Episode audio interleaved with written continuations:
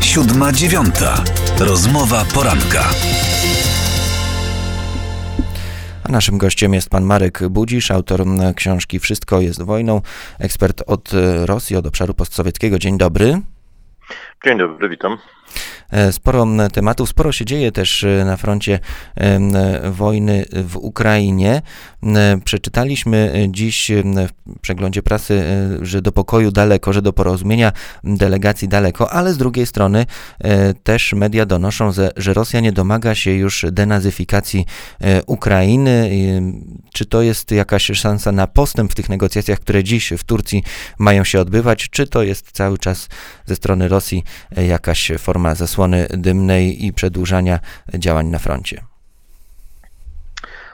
To nie kwestia denazyfikacji jest jakby głównym problemem w, w osiągnięciu ewentualnego porozumienia, tylko sprawa, mm, która bardzo dzieli obydwie strony, a mianowicie przyszłość Donbasu, tych obu, obydwu tak zwanych republik ludowych oraz y, formalne uznanie, czego domaga się Moskwa, a Kijów na to się nie chce zgodzić, formalne uznanie aneksji Krymu. E, co do innych kwestii, wydaje się, że to, to, e, to ewentualne porozumienie jest, jest nieco bliższe. Natomiast w tych, tych, tych ostatnich jest e, mm, no tutaj daleko do, do zgody. Doradca mm, prezydenta Turcji, który uczestniczy w tych rozmowach, powiedział jednej z amerykańskich stacji telewizyjnych, że Rosja stawia tutaj nierealistyczne żądania, czyli żądania jakby zgody Ukrainy na, na w gruncie rzeczy oderwanie od, od niej, również w sensie formalnym, części terytorium, na, na co Kijów nie, nie chce się zgodzić. I prezydent Zełenski wielokrotnie zapowiadał ostatnim razem wczoraj w wywiadzie dla rosyjskich mediów, że na to się nie zgodzi.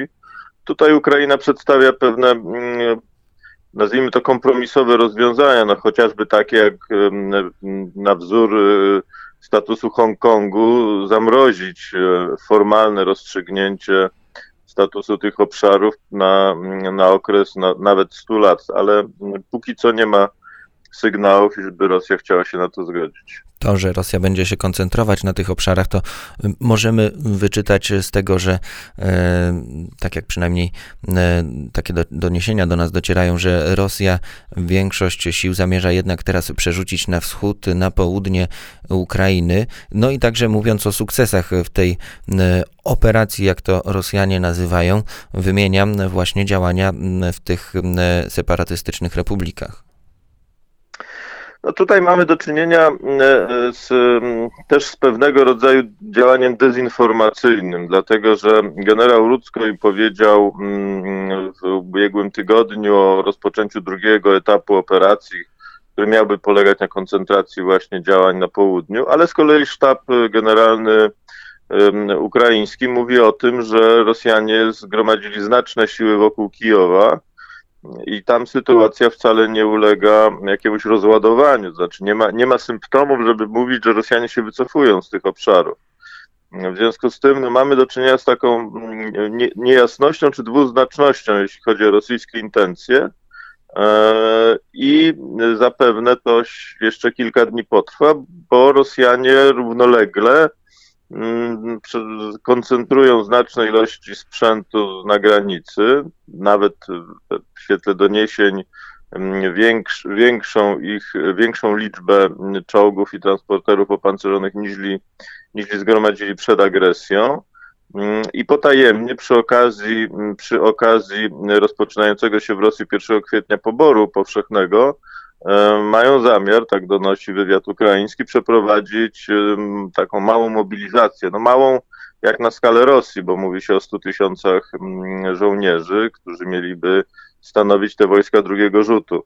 W związku z tym niewykluczone, że te wszystkie deklaracje związane ze zmianą celów wojennych, z, z koncentracją na pewnych kierunkach, no są po prostu mydleniem oczu po to, żeby Rosjanie mogli przegrupować i uzupełnić swoje siły i wejść jakby z nowym impetem e, działania wojenne. O tę mobilizację potajemną też chciałem dopytać, czy te siły tak szybko zgromadzone mogą w, jakimś, w jakiejś krótkiej perspektywie czasu odnieść, odegrać jakąś ważną, kluczową rolę na froncie, czy jednak ich przygotowanie, e, patrząc też na to, jak do tej pory wyglądały działania wojsk rosyjskich, no mogą potrwać dłużej? Wydaje się, że Rosjanie w tej pierwszej fazie mm, wojny, no w pierwszym miesiącu wojny, rzucili do walki swoje najlepsze, najlepsze oddziały i ponieśli znaczne, ponieśli znaczne straty. No, specjaliści amerykańscy obliczają, że te straty, nawet dość konserwatywnie liczone, mm, wynoszą około 30 nawet procent tych sił ofensywnych, no bo to, to jest pytanie, to jest osobna kwestia, która jest dyskutowana wśród ekspertów, jak ta, ta, ta liczba zabitych i rannych e, ros, rosyjskich żołnierzy, czyli wyeliminowanych z walki, powinna być liczona, czy do całego kontyngentu, jak to szacują niektórzy, czy tylko do tych sił, które atakują, bo przecież nie cały kontyngent rosyjskich wojsk atakuje, tam jest część sił o charakterze tyłowym, czy takim, które, które nie mają kontaktu w walce, jak na przykład jednostki artyleryjskie. No ale to by oznaczało, gdyby zgodzić się z tą opinią analityków, że trzeba zwracać uwagę na zdolność do walki tych sił uderzeniowych, że Rosjanie wytracili znaczną część tego swojego potencjału. Ten, no, te no, nowe siły z oczywistych względów będą słabiej wyszkolone i słabiej y, przygotowane, no bo tak tak najczęściej te są, tak najczęściej wyglądają jednostki złożone z rezerwistów. Z pewnością też będą miały niższe morale, bo, no bo wiedzą już, że idą na wojnę i wiedzą, że, a nie na ćwiczenia i wiedzą, że mm, no to nie będzie łatwa kampania. W związku z tym tam z Rosji dochodzi bardzo dużo sygnałów o tym, że mm, to nie jest popularna wojna. E, młodzi ludzie, którzy są wcielani do armii, nie mają ochoty ginąć za Putina. W związku z tym e, tu raczej nie należy spodziewać się tego, że te siły będą lepsze niż, niż do tej pory użyte. Natomiast pytaniem oczywiście, i, i na to odpowiedzi nie znamy, jak wygląda potencjał i mo da, możliwości dalszego stawiania oporu sił ukraińskich, no bo pamiętajmy, że oni są w walce już od ponad miesiąca i też z pewnością są, e, tam są też z pewnością znaczne straty i, i też no, może dać się we znaki zmęczenie i, i, i istnieje konieczność uzupełnień.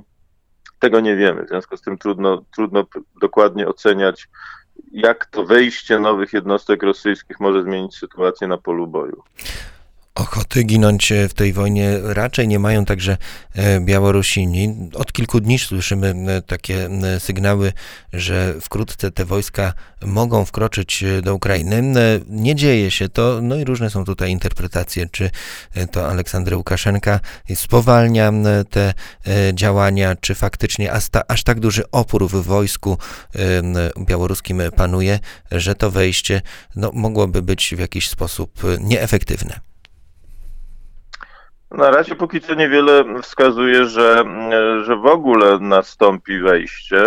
Tu warto jednak przypomnieć fakt, iż y, Łukaszenka spotkał się z Putinem 11 marca, czyli już ponad, e, ponad dwa tygodnie, niedługo będziemy mieli prawie trzy tygodnie od tego e, czasu. To, to, e, I I nie mamy do czynienia z e, oznakami, e, że Białorusini przygotowują się do jakiejś formuły inwazji, a mamy za to szereg wypowiedzi, również na przykład Aleksandra Wolfowicza, sekretarza Rady Bezpieczeństwa, który powiedział, że siły białoruskie nie wejdą na, na Ukrainę, że Białorusini będą bronić swojego państwa, ale na terenie, na terenie Białorusi no to z dość oczywistych względów Łukaszenka mm, nie ma ochoty angażować się w, w tę operację wojskową, wysyłając własne oddziały, e, bo po pierwsze one są relatywnie słabe, a po drugie mm, to osłabia ten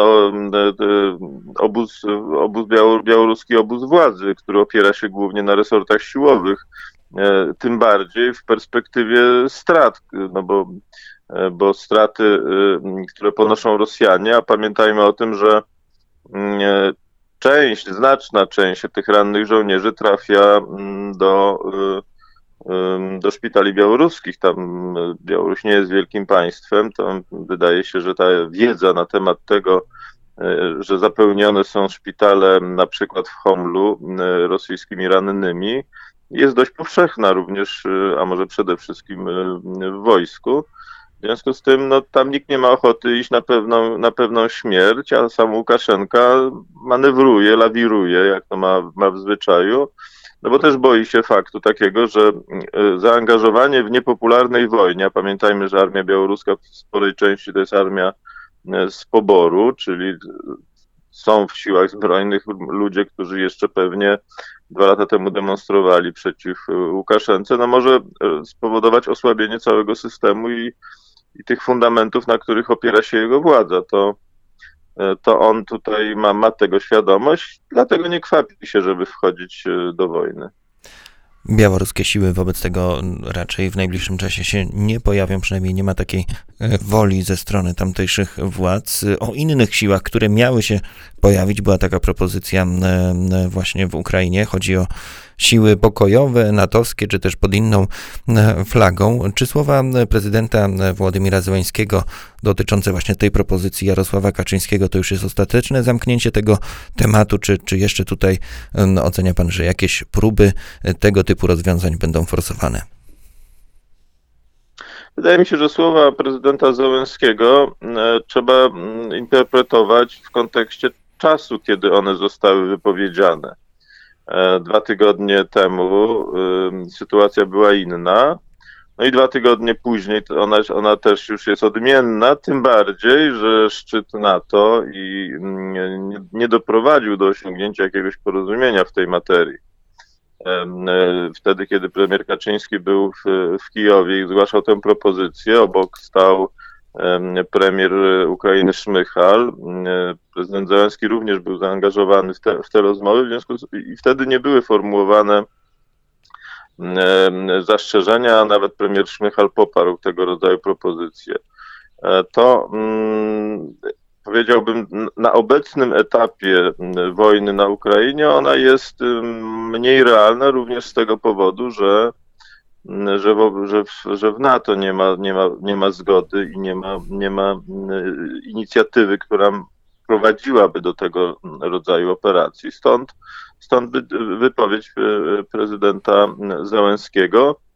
Tym bardziej, że te rozmowy, które trwają rosyjsko-ukraińskie, no one zdaniem wielu ekspertów są niełatwe i tam nadal jest e, mm, sporo, sporo mm, kwestii do uzgodnienia, ale tym niemniej no pewne zbliżenie stanowisk ma miejsce, szczególnie w mniej, mniej newralgicznych czy kluczowych, czy kluczowych punktach, więc w tym sensie w moim odczuciu to, co mówił y, Zełenski, no bo tu należałoby cały wywiad jakby brać pod uwagę, bo y, ta wypowiedź wyrwana z kontekstu nieco inaczej wygląda, y, jeśli się umieści w całym w świetle tego, co, co, co Załęski mówił w wywiadzie. On tam mówił o pewnym generalnym przesądzeniu mm, i jeżeli na to tak spojrzymy, to znaczy, że jest perspektywa zawieszenia broni, czy wręcz e, pokoju bardziej realna, no to wtedy bleknie,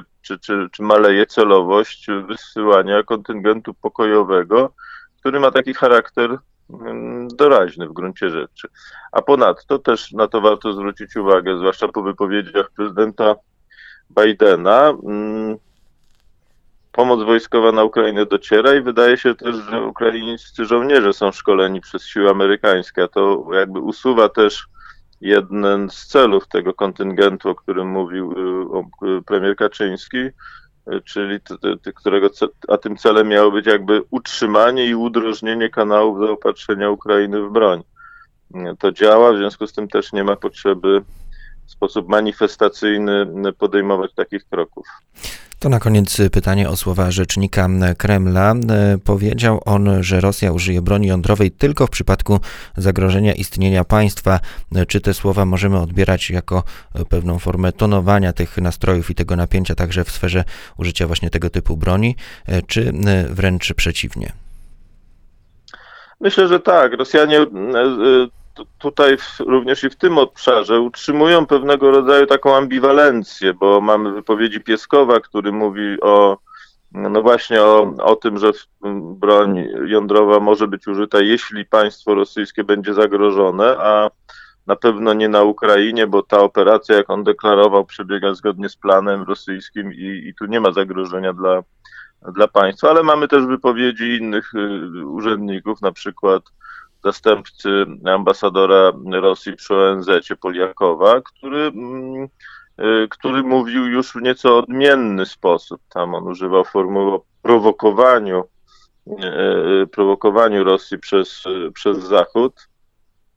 Myślę, że to jest jeden z elementów rosyjskiej strategii. No właśnie utrzymywanie takiej niepewności, takiej dwuznaczności co do intencji, co do możliwości, co do, e, co do gotowości do, do odwołania się do tych, do tych środków. To jest element polityki zastraszania w moim odczuciu, ale obliczony nie tyle na stronę ukraińską, tylko przede wszystkim na Zachód. To, to Zachód jest adresatem tych, tych deklaracji.